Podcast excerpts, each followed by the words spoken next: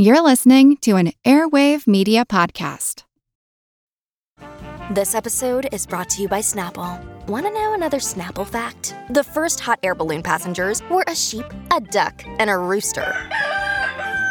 Ridiculous. Check out snapple.com to find ridiculously flavored Snapple near you.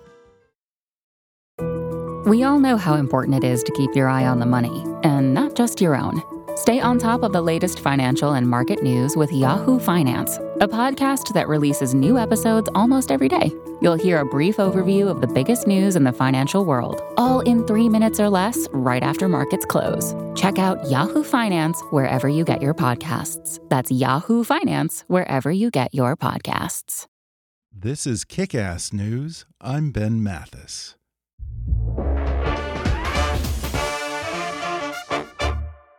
Hey there, listeners. We're trying to spread the word about Kick Ass News, and if you enjoy listening to the show, I'd like to enlist your help. First, if you haven't already, subscribe to Kick Ass News on Apple Podcasts and be sure to rate and review us while you're there. A five star rating and a few lines expressing your appreciation for the show is one of the easiest ways to show your support for Kick Ass News and help new listeners find us. I also want to encourage you to like us on Facebook and follow us on Twitter at, at KickassNewsPod.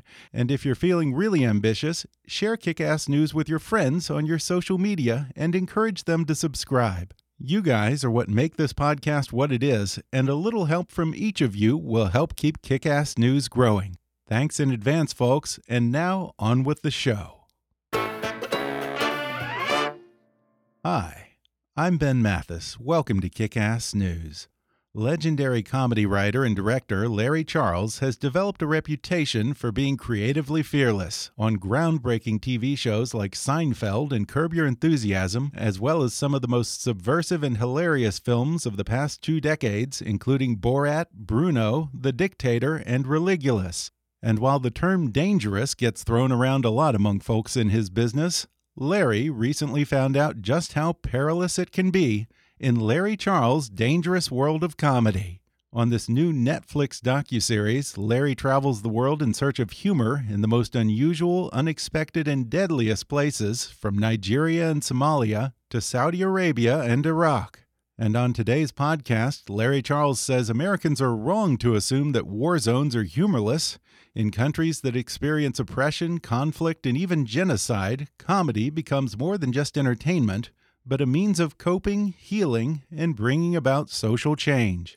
He talks about meeting former child soldiers who perform stand up in a cemetery in Liberia, the Jon Stewart of Iraq who has a price on his head, and the imprisoned terrorist who wanted to show Larry the lighter side of ISIS. He even reveals there's some pretty dangerous comedy right here in the US, including a white nationalist group that tries to use humor to spread hate. Larry also tells stories about working on the early seasons of Seinfeld, why Kramer was his favorite character to write for, and what he says Seinfeld has in common with Superman. He describes how Larry David used to fight with audiences in comedy clubs, why David threw a fit when NBC wanted to move Seinfeld to the most coveted time slot in television, and what it's like to direct Larry David on Curb Your Enthusiasm. We discuss how his films Borat and Bruno exposed racist and authoritarian leanings in the U.S. and abroad long before the 2016 election, why Larry Charles had to play a character while directing those movies, and the crazy amount of commitment it required from that mad genius, Sacha Baron Cohen. Plus, what it was like to grow up in Brooklyn's Trump Village yes, that Trump how Larry went from selling drugs to selling jokes outside the comedy store in Hollywood, and the one country that scared the living hell out of him while making Larry Charles' Dangerous World of Comedy. Coming up with the hilarious Larry Charles himself in just a moment.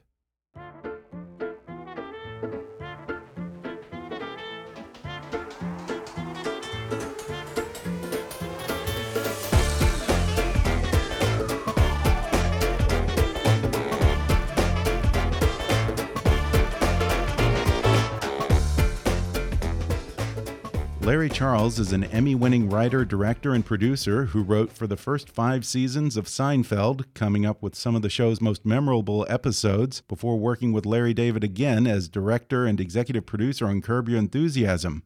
His other TV credits include The Tick, Dilbert, Entourage, and most recently, the FX series The Comedians. He directed the movies Borat, Bruno, and the documentary film Religulous, among others. And now he's stepping in front of the camera for a new comedic docu-series called Larry Charles' Dangerous World of Comedy, which is available on Netflix beginning February 15th. Larry Charles, welcome to the podcast. Thank you very much. Happy to be here. I'm so excited about this new show of yours, Larry Charles' Dangerous World of Comedy, because I love the idea that you're exploring comedy in places where it truly is dangerous. And I'm not talking like dangerous in America where you say something on PC and gets on YouTube and a bunch of social justice warriors go and hate tweet you. Literally, comedians who are criticizing the institutions and leaders and even terrorist organizations in places where they could lob your head off for something yes, like that. And, and paying the price for it quite Yeah. often. Yes. Um, no, that's that was part of my uh, uh, journey here. I was very interested, having traveled so much, to do uh, American films and commercials in other countries where there were oppressive regimes, and seeing in every country I was in, no matter what, there was always a comedy scene there. There were always comedians. No matter how dictatorial the government was, totalitarian the government was, there were always comedians. And I thought, well, I get to go home, I get the Yeah. rewards, I get the accolades, but these people are forced to stay under those conditions. What's it like for a comedian under those conditions? How do they survive? And that question started to plague me. And as Trump came into office and we became more isolated and realized we don't know anything about the rest of the world, but the rest of the world knows everything about us, I thought this is something I, I'm uniquely qualified to bridge, to bridge this particular gap. Yeah, and I think most Americans just assume that places like Somalia and Syria and Iraq, there are places where there's war and genocide and so much misery that there's no room for comedy. Yes, well, that's that's almost true in a lot of cases. There Mm-hmm. is there are not a lot of venues. Use it's not an industry the way it is in this country, Sure. but it's a need. Yeah. and that's what I I was most struck by. Possibly was that it was it transcended economics. It was really about a need to heal, to express the frustration, to talk about and process the trauma that they were all these societies are all undergoing together. And so I saw comedy working on a much more transcendent level than you really see in this country, where the mm-hmm. stakes are just not the same. Yeah, and you yourself have a reputation for being dangerous and subversive creatively on shows like Seinfeld, Curb, Religulous, Borat, Bruno. But these people take it to the whole next level. Did you feel almost a little sheepish, you know, alongside some of them? It's very humbling. It's Yeah. very humbling to talk to comedians whose families have been murdered. Wow. Uh, talk to comedians who've been imprisoned and tortured, and um, and meet comedians who are, were friends with comedians who've been assassinated. So yeah, you don't really have that kind. Your comedy friends in Los Angeles don't usually have that kind of backgrounds. Yeah. Setting aside the political context, I wonder who was the straight up funniest comic that you encountered along the way? Wow. Well, you know, I, I was in America too because I wanted to Oh, yeah. interview uh, Native American comedians. I thought that living under that kind of con- those kind of conditions and still doing comedy was a very similar kind of uh, pursuit to the way it was internationally. So I interviewed I interviewed Native American comedians. I interviewed a woman who is a uh, a former drug dealer, uh, ex convict, who's now a comedian. I'd have to say she may be the funniest person I met. Her name is Ms. Pat.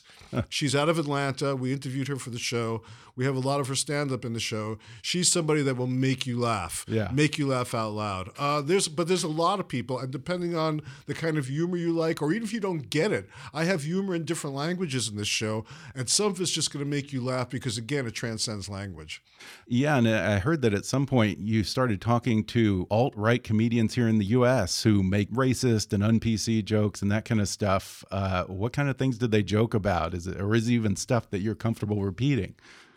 Well, I think you have to see the show to hear what they said. Okay. I, I don't think I can repeat a lot of what they said, but Yeah. I think uh, the overall uh, theme of that section is starting with Trump. I, I see Trump as a kind of a failed comedian. He wants to be funny. He's Yeah. desperate to be funny. He loves being funny, but he's not funny. So a lot of the stuff that he says that people are horrified by and offended by are his idea of a joke. And I don't think he realizes how tone deaf some of those jokes are. And I think that um, there's a whole uh, generation of people who are enjoying the humor of making other people angry. And there's always been that genre of humor, of kind of prank humor, of uh, but it's usually been a left wing uh, practice, you know. Yeah, and I think funny. it shifted as the left wing became more politically correct and more sensitive and uh, more easily offended. Mm-hmm. The right wing began to sort of cling to those older values and started to enjoy the idea of making the left wing squirm about the things that they felt precious about. Yeah. And I think that there's a whole genre of humor that's kind of emerged out of that. And it's kind of anti humor and it's been around, but it's in a very different form now. And I think that's what these alt right comedians are kind of representing. Well, let me ask you this because there's been this weird overlap lately between the people on the alt right and quite a few comedians on the subject of political correctness. Yes. As someone who is pretty fearless and submissive, subversive. I mean, but maybe submissive in, in No. private. I don't know. Um, subversive, you know, as a comedian and you know, creatively. What do you make of this weird alliance between comedians and the alt right, or or maybe it's not an alliance, but like an overlap?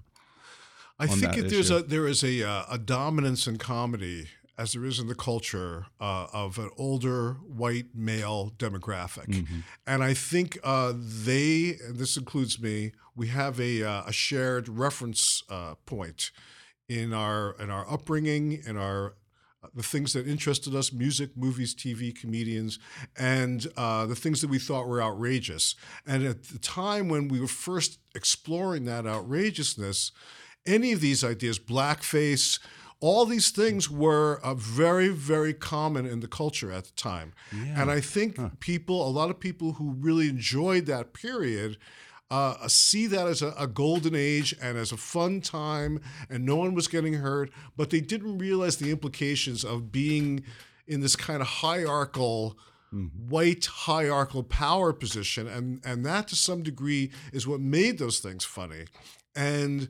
The world is expanding, and I think you have this conflict now between a whole group of people who don't find those reference points funny and don't share them and are creating their own reference points. And I think like the country has fragmented in the face of Trump, and there's many, many different factions now, even within the alt right or with the progressive left. It's the same thing in comedy. There are now many voices in comedy, many uh, factions in comedy, and it's a good thing. It's a healthy thing, and eventually, perhaps, it'll synthesize into what that next uh, American voice of comedy is. And I like your assessment of Donald Trump when you said that uh, he he thinks he's a comedian, but he's not. He's just not very funny. And I I've said that a number of times to people. I said all this stuff that we're getting so outraged about. I don't think that he's serious about it. I think he thinks he's being funny in the moment when he's talking to someone, and then it gets reported in print, and then it sounds like a horrible, horrible idea. And, and again, I think he's the uh, the the master purveyor of this idea of getting liberals pissed off. I think he one of the things he enjoys about those Pocahontas jokes, he likes seeing people get upset. He likes seeing people squirm. He enjoys that. It's kind of sadistic in a way, but it's also humor has a sadistic quality to Sure, it as well. sure. You know. Yeah, and I hear that from people on the right all the time these days. You know, even if they can't point to a single policy that actually is in line with their conservative values, they'll say, "But he pisses off the media," as if. You know, if we go to war with Russia or Iran and all this stuff, you know, it doesn't matter. Hell, if he suddenly switches and decides he's pro-choice, they're okay with that, Exactly. as long as he pisses off it's the media. It's not about the ideology, really. You're right. Absolutely right about that. I agree. Yeah, and it's weird because I was thinking back to Borat and that movie, looking back, it almost seemed to presage much of what we're seeing today with the alt right and the racist elements in the U.S. coming to full fruition. And in terms of you know the way that Kazakhstan is portrayed in the movie, Yeah. the fictional version, it now seems to be realized where all the stands and all of you know these Yeah. Eastern European countries or former Baltic states are starting to turn away immigrants and a new flourishing of xenophobia and racism. Yeah, I think that Borat really was about America's cultural imperialism and, Mm-hmm. and kind of being ignorant about the rest of the world, also. So he was able Yeah. to come here and say that he was from Kazakhstan. People don't know anything about Kazakhstan, and he was able to sort of exploit that for the satire. You know, the truth is, in some ways, Bo- uh, Bruno, our follow-up movie, uh, was was a, a- a sort of a more acute examination of some of the darkness of the American society at that time. It, it, it, was a harbinger of this homophobia, of the sexism, of the uh, superficiality of the of the uh, dialogue in the culture, and so we saw a much darker version of America when we shot Bruno than we did with Borat. Borat was an innocent, and people were very forgiving Yeah. and patient, but Bruno was gay, and so that was enough right on the surface for people to be hostile to him, to get physical with him, to feel comfortable cursing him out, uh, uh, insulting him, uh, uh, confronting him, and we saw a very different, much darker version of America there, a much more hate-filled America. It was also just at the time that Obama had been inaugurated, and there was a lot Right. of racial hate that was kind of fermenting under the surface also. So that movie really reflects that time in the same way that Borat reflected that kind of Bush era in some ways. And I'm trying to remember where was that on the timeline in terms of when Russia started passing all these anti-gay laws?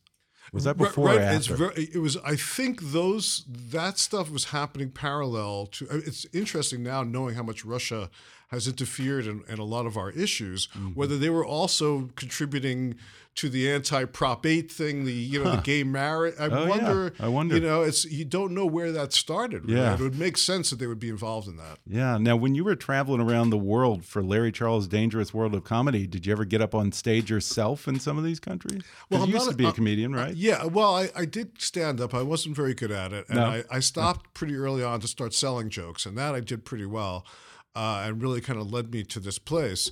But so no, I didn't get up on stage and perform, but I was, uh, you know, the Daily Show is a uh, the format is used all around the world. Yeah. So there's an Iraqi Daily Show, there's a Nigerian Daily Show, there's a Saudi Daily Show. Mm-hmm. Yeah. they're all over the place, and they're called different things, but it's the Daily Show. Yeah, yeah. I had And I- Bassem Youssef on a while back who Right, had, did the Daily Show of, exactly, Egypt, and then he had to flee the country. Right, exactly. So the Al Al Bashir, Ahmed Al Bashir, hosts the Iraqi version of the Daily Show. He has to do it in a different country because he's also uh, running for his life as well. But I appeared on that Daily Show and I appeared on the Nigerian Daily Show, which was Oh, a kick. It was fun.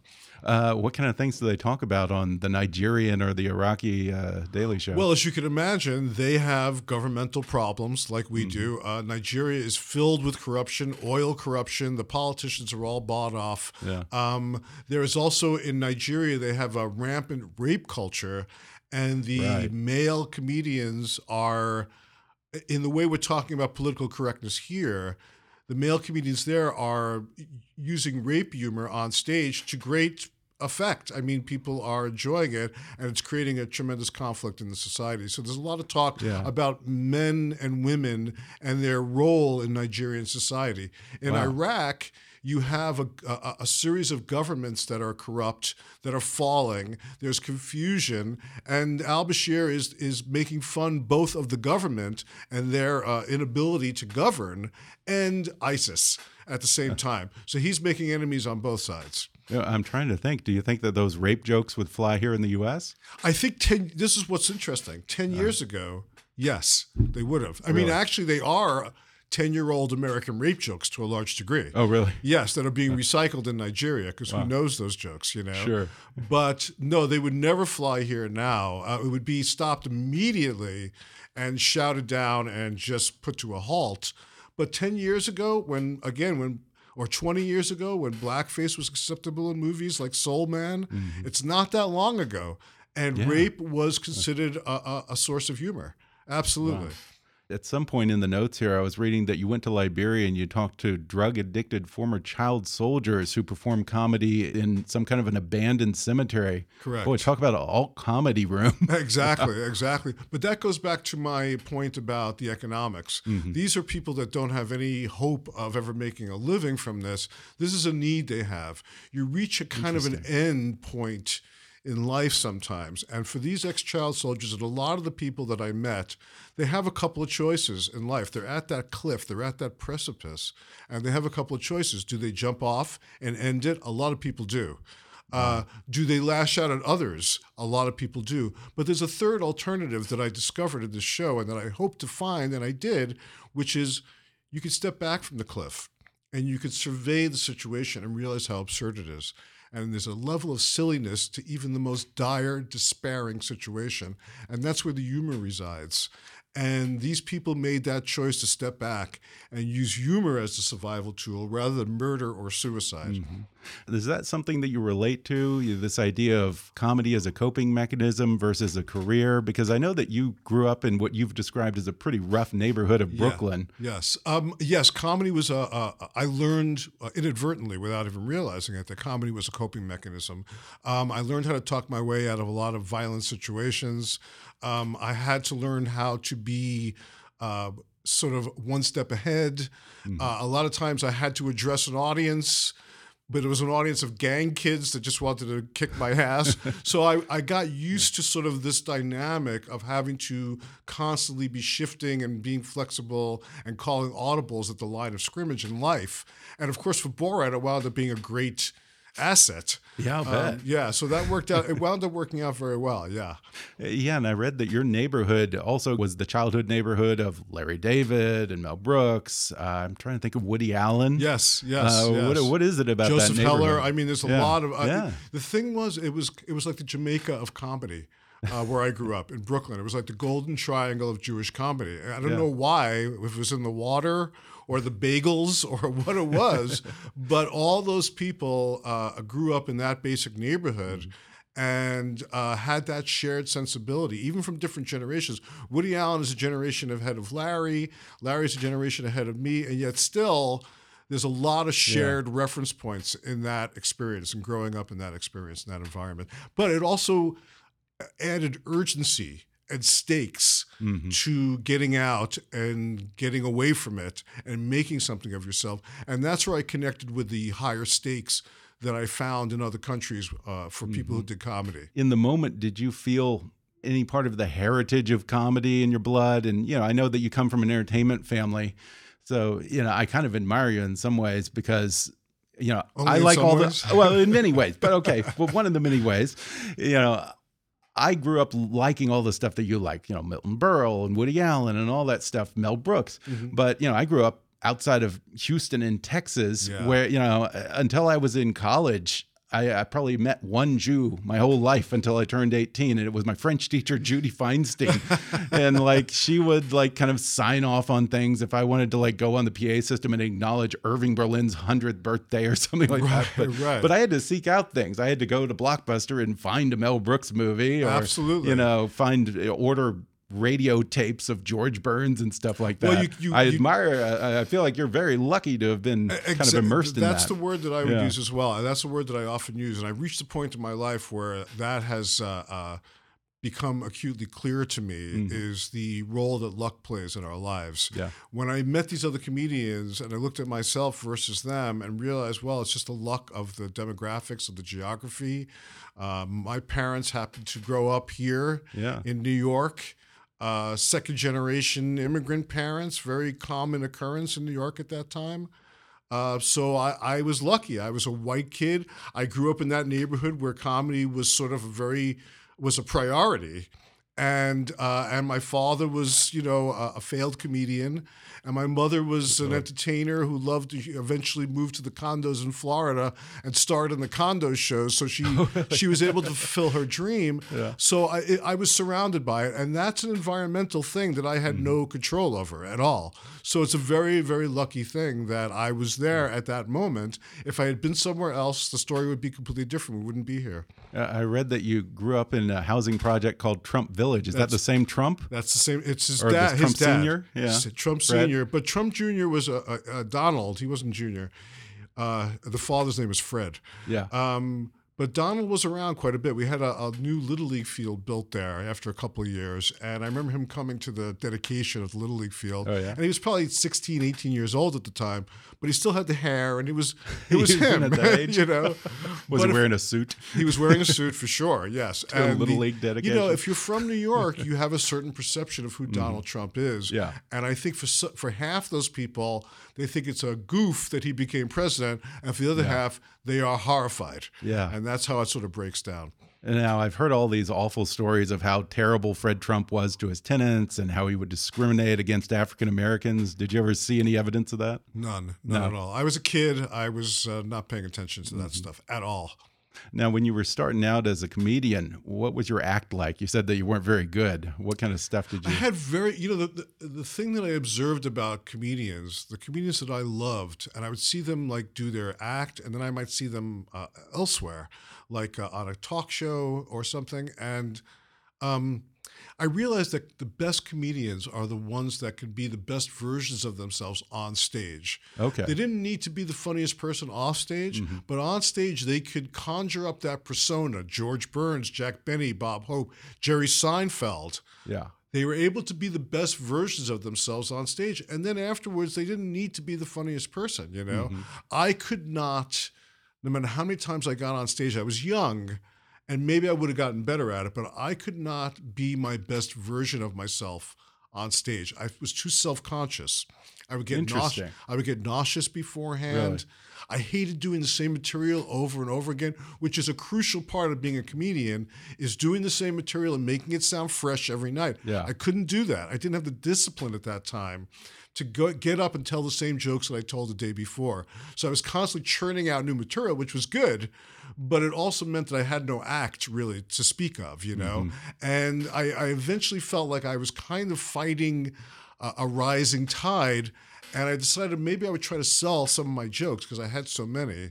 And I I used to be a parking valet in Los Angeles, and this is in the late 70s. And again, we talk about luck. I decided I would go to the comedy store. I didn't know anything. It's before computers, and I would handwrite jokes on a piece of yellow legal pad. And I'd go stand in front of the comedy store, and when I saw a comedian that I recognized, I'd say, "You want to buy a joke?" and people started buying my jokes. Really? And it happened that the comedy store at that time That was the place. That it was, like a golden destination age of comedy. coming from the East. Richard yeah. Mm. Pryor was trying out his material for his concert movies. Robin Williams was just breaking in.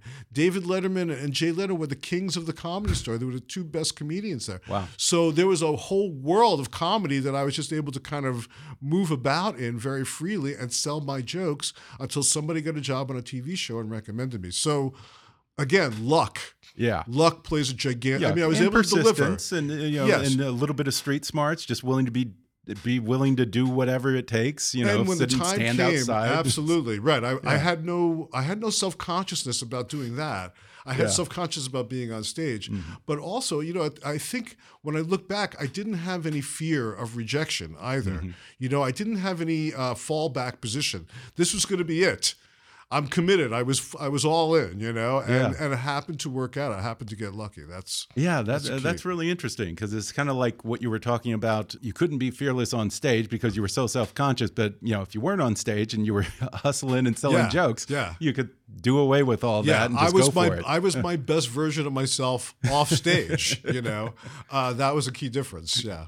Uh, and I think that that was around the time that you met Larry David when you were doing stand up. You you two were in the same stand up circles, right? In the Well, 70s? he I did not know him at all. Oh, you And didn't? No, I didn't know meet Oh. him until um, I got hired as a writer on Fridays, and he had been cast as a writer and an actor on Fridays. Okay. and that's when we met on the TV show Fridays. Interesting. Yeah, Now, did you yeah. ever see him when he was doing his act in those days? No, when, once he was on? Fridays, I would go with him Oh, really? often to see his act, and saw him do some. He was like Johnny Rotten of stand-up comedy. That's at that what time. I've heard. He would Yeah. like get in arguments with the audience or walk oh, off. Yes, I've seen him spit at people. I've seen him throw the microphone down in anger and storm off.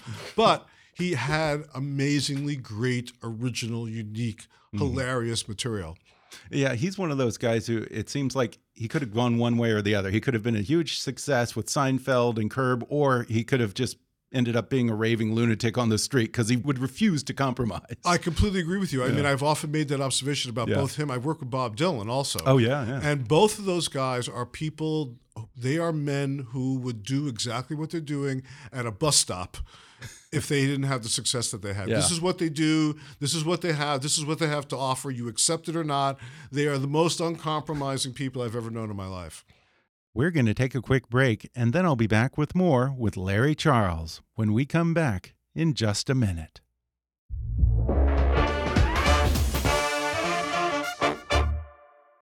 It happens to the best of us right before a big deadline or just when you're printing handouts for a key presentation, the printer runs out of ink. Then you have to go through that expensive hassle of replacing ink cartridges.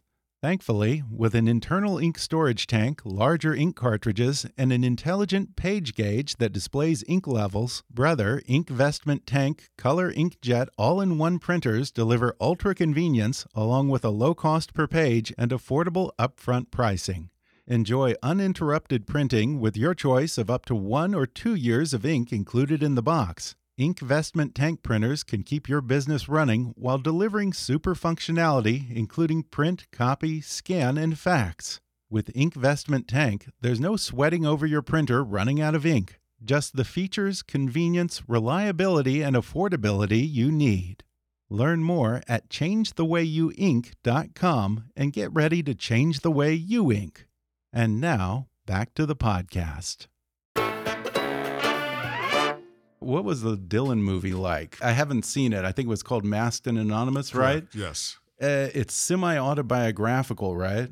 Well, it- I wouldn't say how would that it? exactly. It's it- it- like most of Bob Dylan's work; it's very coded, and so there's Yeah. a lot of insights into who he is, but it's not in any way a biography or an autobiography or Okay. reflective of his real life. But it's a- kind of curb like, right? It's well. Okay, I haven't see seen it. I should see it's it, I very scripted Okay. Uh-huh. and yet very uh, spontaneous and improvised feeling. It's got an amazing cast.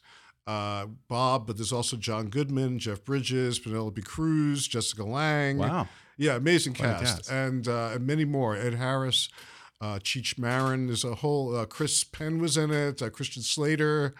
Um, just a really, really large cast. Yeah. Great cast, all because of Bob, of Wow. course. And uh, so it's it, it doesn't fit into any category, which is one of the problems they had Yeah. with the movie. It's a very surreal. I used to call it a uh, a spaghetti western sci-fi musical. That's really what it is. Yeah, I, I- know he's interesting because I have such admiration for him. He really is a genius, and it seems like he's kind of gone from early on, kind of fighting to be understood, to now reveling in being misunderstood. Wow, that so a Ben, that's so interesting you say Yeah. that because that is one of my great conversations with him. Really? Uh, uh, because he's he was like a guru for me. I mean, I sat in a room with him for two years writing, and he would just pop out with these things, and I'm like, oh my god, I can't believe it. And one of them, one day, he would have all these little scrap papers with little notes on them that we would use in the script. We would kind of incorporate them, and one of them said, uh, "I ain't no pig without a wig." And I was like, we were writing for a while at this point. And so I felt comfortable enough to go, and I'm just as far from him as I am from you. And I go, Bob, I have to tell you, you know, as as weird and surreal as this movie is going to be, that line doesn't make any sense.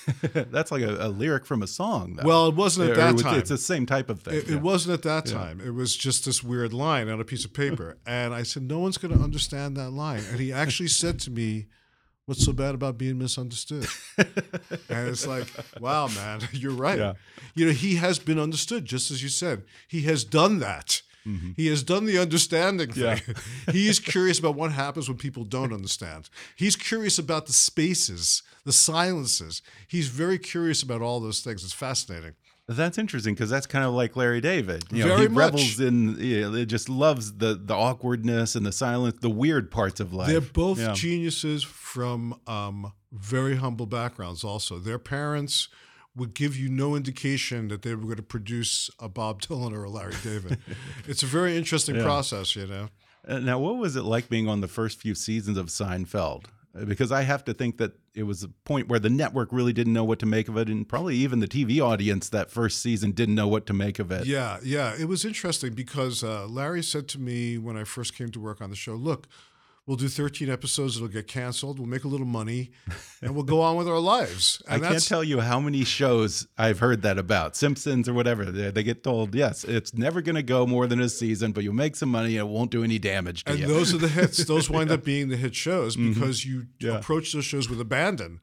And Yeah. so we did not we didn't know the rules to follow them. We never made sitcoms before. So we were making it up as we went along. We did what we thought was funny, and we really fully expected it to be done after 13 episodes.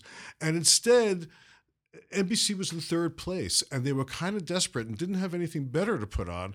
So they kept on picking it up with a lot of reservations. The first testing uh, uh, that people hated George, and there was all this kind of uh, negative testing on the show.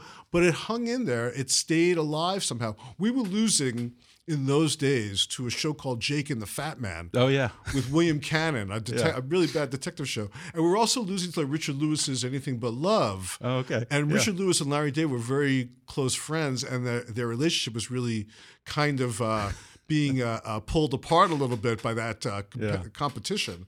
And then eventually our show became the big hit, and his show got Yeah. canceled, and that kind of reversed that uh, competition thing. So at first it was a, it was a uh, fairly much of an abject failure, but people stuck with it for, for a Mm-hmm. variety of reasons, and eventually it had the opportunity to go from Wednesday night to Thursday night Thursdays, yeah, following NBC's Cheers. big day. Yeah. And Larry David, I'll never forget it. Larry David was told, "Hey, we want to move the show to after Cheers on Thursday." Everybody was so excited. Jerry's managers and Castle Rock and NBC, everyone was so excited. Larry was like, "Anybody who doesn't watch the show on Wednesday can go fuck themselves." pardon, of my language, but that's a quote. And uh, and they all went, "No, no, no, no! You don't understand." And they actually managed. And Larry's a very hard person to convince uh, once he's made up his mind. But they convinced him to let the show go on Thursday, and that's what really catapulted the show in terms of awareness. Yeah, and I think one of the things was it was a show that was straight up funny more than anything else. Because prior to that, it seems like all the sitcoms that were out were family sitcoms that had to have so many layers to them, or or worse. I don't know if you remember this when you would have the sitcoms that did the serious episodes, where Oh, then I they would roll the credits with no music afterwards. Oh, You know, Ben, I, I love your perceptions because I, I, I completely agree, of course. And, and that is one of the keys to the success of Seinfeld at the time when it first came on and why it held on and why it's still successful today. Mm-hmm. And that is because it actually delivers the goods. Yeah. It's actually funny and it's still funny. And funny is in short supply. You're absolutely right. Most sitcoms, especially at that time, when they were in that kind of format where there had to be morality, where there had to be all these rules, where you had three scenes and everybody had to come in and tell some kind of contrived story. Yeah. We were allergic to all that, you know, and we just didn't do that. And the audience felt liberated. They were looking for that that thrill of, Yeah. of being honest in a sitcom, and it really kind of cut through uh, past all the the layers that usually are out, the filters. It got through to the audience in a pure form, made them laugh, and nothing will attract an audience like the guarantee of laughter. Yeah, and I used to hear that Larry's process would be uh, first thing Monday, he would ask you guys, "Hey, what happened to you over the weekend?" or Yes. "What happened to you when you went to lunch today?" And then you would just kind of build off of that. Uh, Everything during the years we were on Seinfeld, your antenna were up all the time. You were you were certainly culling stories from your past, but you were looking at every situation you were in as a potential story. Just like you're saying, Larry and I would go out to lunch on on Ventura Boulevard at Art's Deli, and we went to pay the bill, and the cashier didn't have change, and she had to go in the back to get a roll of quarters. And by the time she came out and gave us the quarters, we walked outside and bumped into somebody we didn't want to see. We've been avoiding for 20 years because she had to go get the quarters. That became an episode about running the Pez dispenser where she yeah, runs Pez. outside and bumps into a guy she didn't want to see. So all everything in life was a, constantly a source of potential material. And Larry, of course, was the bravest. No matter how humiliating the incident was, he would use it. So you had no mm-hmm. excuse. now, somewhere I read that your inspirations were Abbott and Costello, Dragnet, and Superman. I totally get Abbott and Costello. I can see that. I can even see Dragnet in the the library episode, but Superman, I don't get it. Help me out here. But Larry, Jerry, and myself, and most kids in New York around that age were Superman freaks. The TV show with George Reeves.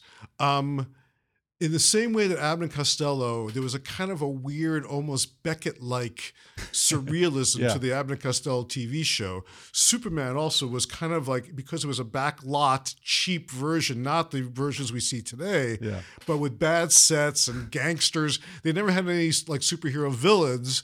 It was all just gangsters and fedoras. And there was something very, uh, I don't think we knew it at the time, but it was kind of cheesy, but also very Manichean, very black and white. Okay, You know, yeah. Superman wouldn't kill anybody, but he was committed to truth, justice, and the American way.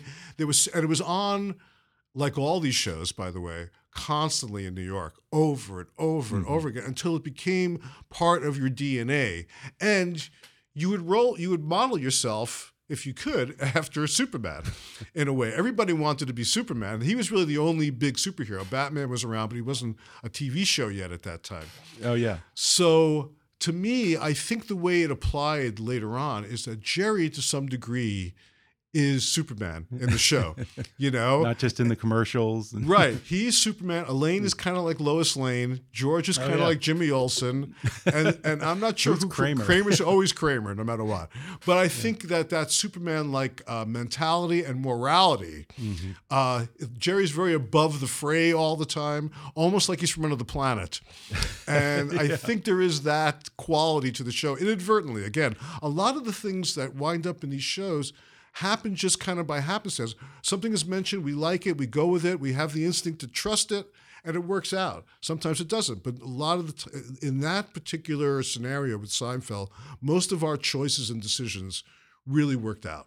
Whenever I talk to TV writers, they usually tell me that every TV writer has one character on the show that they particularly gravitate towards. And for you, that was Kramer. Kramer Yes. was kind of your baby. Well, what does that tell us about you? Well, first of all, Kramer was a real person. The original Kramer is Oh, a real person. Yeah, he was Larry David's next door neighbor. Okay. His name was Kramer. and he was a comedian as well, actually. Kenny Kramer, his name is. He's still around. Yeah. Very nice guy. And um, the only reason that I gravitated to Kramer, first of all, I had worked with Michael as I worked with Larry on Fridays. So I knew Michael. Oh, right. Yeah, I was on. But Larry was channeling himself through George. Jerry was Jerry. Elaine, none of us knew how to write a, a woman character at first, so I was afraid. Uh, but Kramer was the character that was not really claimed in those early days. In fact, he was intended to just kind of come in the front, come in the apartment door, say something, and leave, and never be part of the stories. Yeah. And I thought, for me to find my way in this, I could take advantage of expanding Kramer. So I started to put Kramer more into the A stories and the B stories. So he was a more integral part of the plot. And we had fun with that. It became fun to sort of expand Michael and Kramer's character. And that's why I was able to sort of take that character and mold him. And what it says about me is we have a lot of shared interests Oh, yeah? Like conspiracies, extremism, you know, uh, uh, we, a lot of weird esoterica Yeah. is something that I kind of tried to inject into Kramer's character. Do you have a hot tub in your living room? I didn't, but I would. And uh, also, my best friend was Bob Sacamano. Oh, that's a real person. That's a real person, also. Yeah. yeah, Bob Sacamano. Isn't Bob Sacamano kind of like this character that's never seen on screen but Never always seen. referenced? Yes. Yes. Exactly.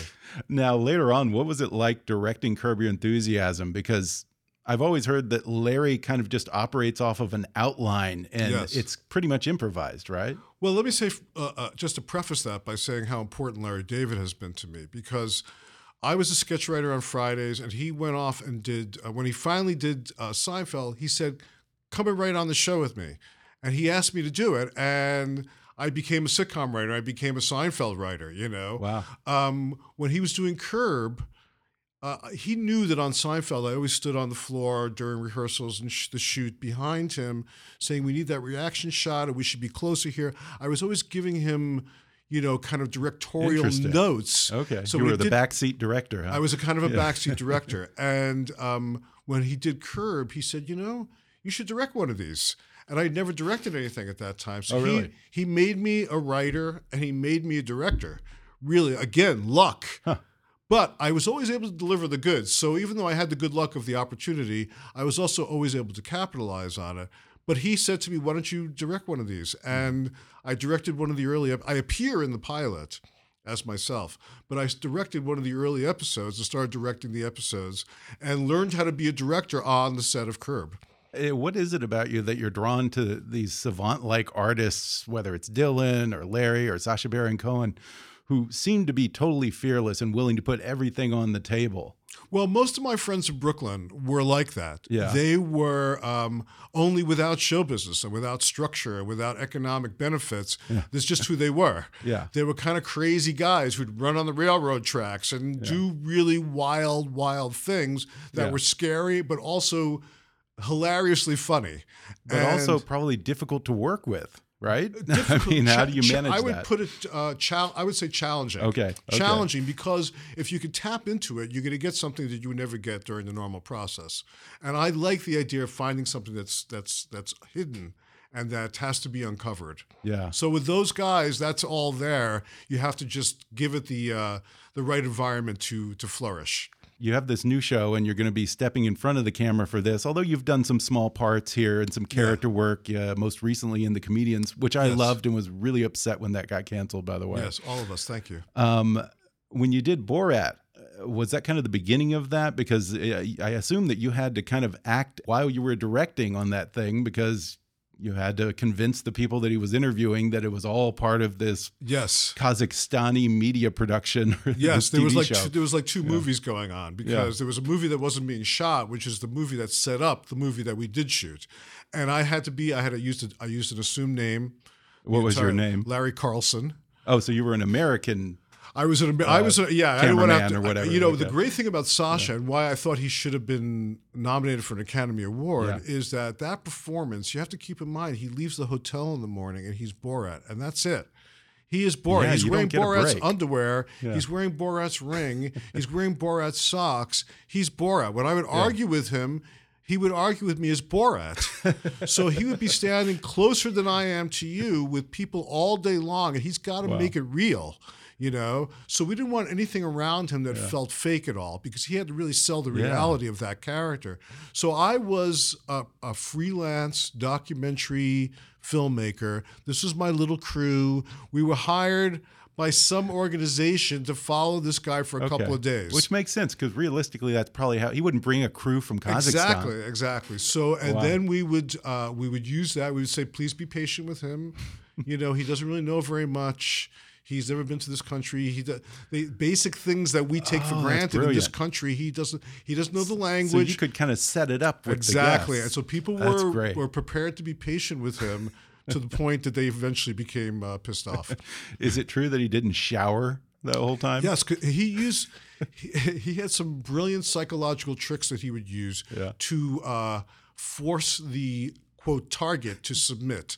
One of them was stinking, his body odor. he would hug people, and he smelled really. It was tough to smell him, and he would hug people. And if people tolerated the hug, he knew he had them.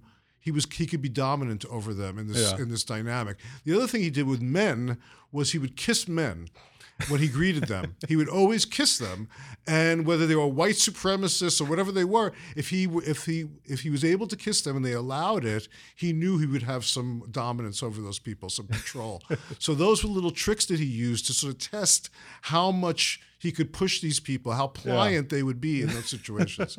yes. Uh, did putting yourself in these situations where things could have easily gone sideways on Borat or Bruno, did that prepare you for this new show a little bit? it, it inspired me really mm-hmm. because the idea of not knowing what's going to happen, of discovering, that's really what movie making and art really should be. I think we live in a world now in America, particularly, where everything is so predictable. You know, and I, I was at that point in my life when that came along, I was looking for something that would break me out of the Los Angeles studio sitcom world. And here this thing comes along. It's like a new experience, a life changing experience, really. And the, the invigoration of not knowing what's going to happen. Uh, I, I found very uh, just I, I was it was a change in my whole perception of life. Had you ever watched any of the Borat HBO series? Yes, sure. that? I was a You gigantic fan. Yeah. Gigantic fan of that show. I have to ask some more about uh, Larry Charles' Dangerous World of Comedy before we go. Yes. Uh, what are some of the other countries that you go to? I go to we went to Turkey, but we had to leave kind of quickly because we got some people upset. So there's Really? nothing about Turkey in in the current four episodes. Okay. But I shot in Turkey. I shot a number of comedians in Turkey. We went to then Iraq, Jordan, Palestine. I did a great Really? sequence in Palestine with a great Palestinian comedian named Adi Khalifa. Yeah. But it was such a long piece because I met his family and I went to this workshop that he conducts in Nazareth. So I couldn't use it in the show. It took up too much room. I'd like to put it out there. I'm I'm gonna I'm trying to get Netflix to figure out a way to release some of this extra stuff that I have. How was the chicken there? Fantastic.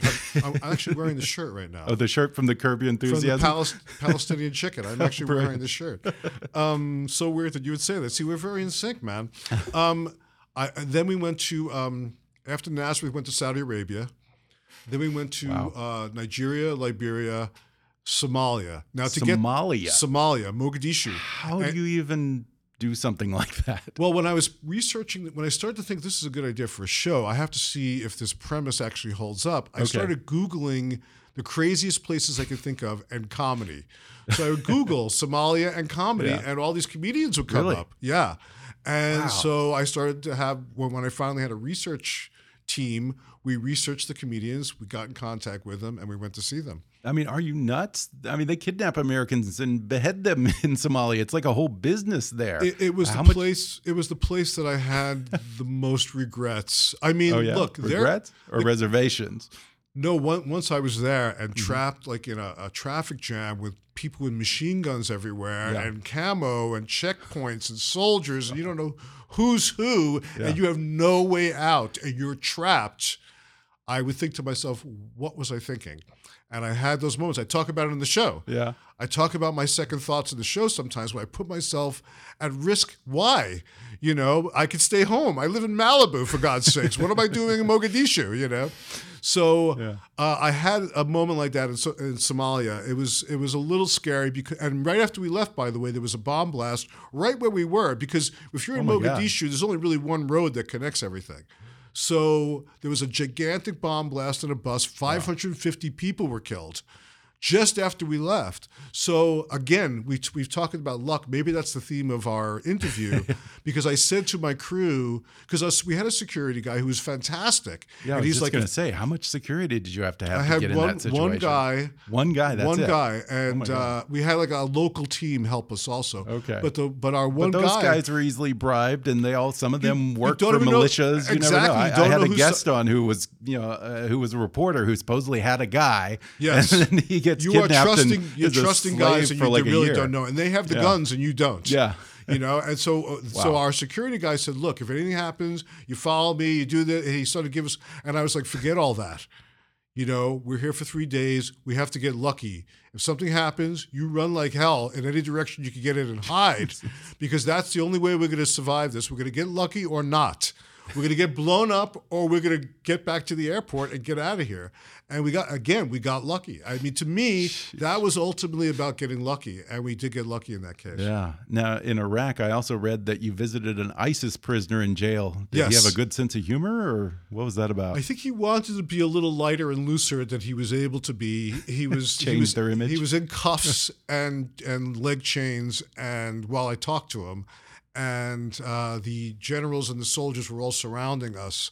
So he couldn't really get too loose with me, but I did have a very good conversation with him and the general of the prison as well. Oh, yeah? uh, who was a fascinating kind of raconteur who told me all kinds of funny stories about death, Waterboarding. death and destruction and torture in Iraq. Yes. Wow. Yeah. Well, you know, Larry, you have a very distinctive look and always have. And I know that you've, like I said, done a little bit of character work on Seinfeld, Curb, the comedians as well. But this is the first time that you're pretty much carrying an entire show that actually bears your name in the title. Are you ready for the public life and total strangers coming up to you like they know you now? Well, I've always had a slightly weirdly cult following, you oh, know? Oh, yeah? I mean, I, I, I could go, like, I was in Nigeria and someone was driving by, they went, Larry Charles. Like, I get recognized in weird places, you Yeah. know? So I'm kind of, I kind of enjoy, because it's very low key, generally speaking. Yeah. It's people that like my work and want to just say hello. I, I love that. I, it's okay. Even when people are a little off, I really don't mind it that much. I love those encounters and interactions. So I really don't mind that. I kind of see myself in this show as the Werner Herzog of comedy. You know, it's not like I'm really out that. there so much, but Yeah. it's like I felt like I have the integrity and the authenticity to be the person to tell the story. Do you ever have people who come up to you and they think they know you or they mistake you for someone else? I get. Uh, uh, I went to visit my aunt in a nursing home before she died, and went with my father. We walked into the nursing home, and she was sitting there in a wheelchair with all these other women, And when I walked in, she went, Look, my nephew, Larry David. so, yes, it does happen. It does happen. I get mistaken for all kinds of people. People say ZZ Top. Rick Rubin was a very close friend of mine. Okay, Well, we, I could see that. People get us confused. So, so uh, although if you look at us closely, of course, none of us look anything alike, but people get confused. Uh, I just have to ask then. I forget what what it was. The HBO movie that Larry did, Larry Right, David, yes. where he has to go unshaven and he's kind of hiding out from the public and so forth. Did you inspire that look? I, I didn't. No. I think he's always envied yeah, I'll bet. uh, uh, my hirsute appearance in some ways, and uh, so I'm sure it kind of crossed his mind, but we really didn't discuss it. well, Larry Day. Well, Larry, I already did it. Yeah, oh, Jesus. happens. I do it myself. Larry Charles' Dangerous World of Comedy is available on Netflix beginning February 15th. Definitely check it out. Larry, thanks for talking with me. It Oh, it was my pleasure. It was great. Thank you. Thanks again to Larry Charles for coming on the podcast. Larry Charles' Dangerous World of Comedy is available beginning February 15th on Netflix. And follow Larry on Twitter at, at LarryCharlesIsm. Whatever struggles you're facing, from depression and anxiety to trauma and grief, BetterHelp can connect you with a professional counselor in a safe and private online environment. It's so convenient you can schedule secure video or phone sessions as well as chat and text with your therapist. And anything you share is completely confidential. Best of all, it's a truly affordable option. Kick-Ass News listeners even get 10% off your first month with the discount code KICK. So why not get started? Simply go to betterhelp.com/kick and fill out a questionnaire to get matched with a counselor you'll love today. Be sure to subscribe to Kickass News on Apple Podcasts if you haven't already. And if you like what you're hearing, then rate and review us while you're there. Five star reviews are the easiest way for new listeners to find us. Don't forget to like us on Facebook and follow us on Twitter at, at KickassNewsPod. And feel free to email me with your thoughts, questions, and suggestions at comments at kickassnews.com. Until next time, I'm Ben Mathis, and thanks for listening to Kick Ass News.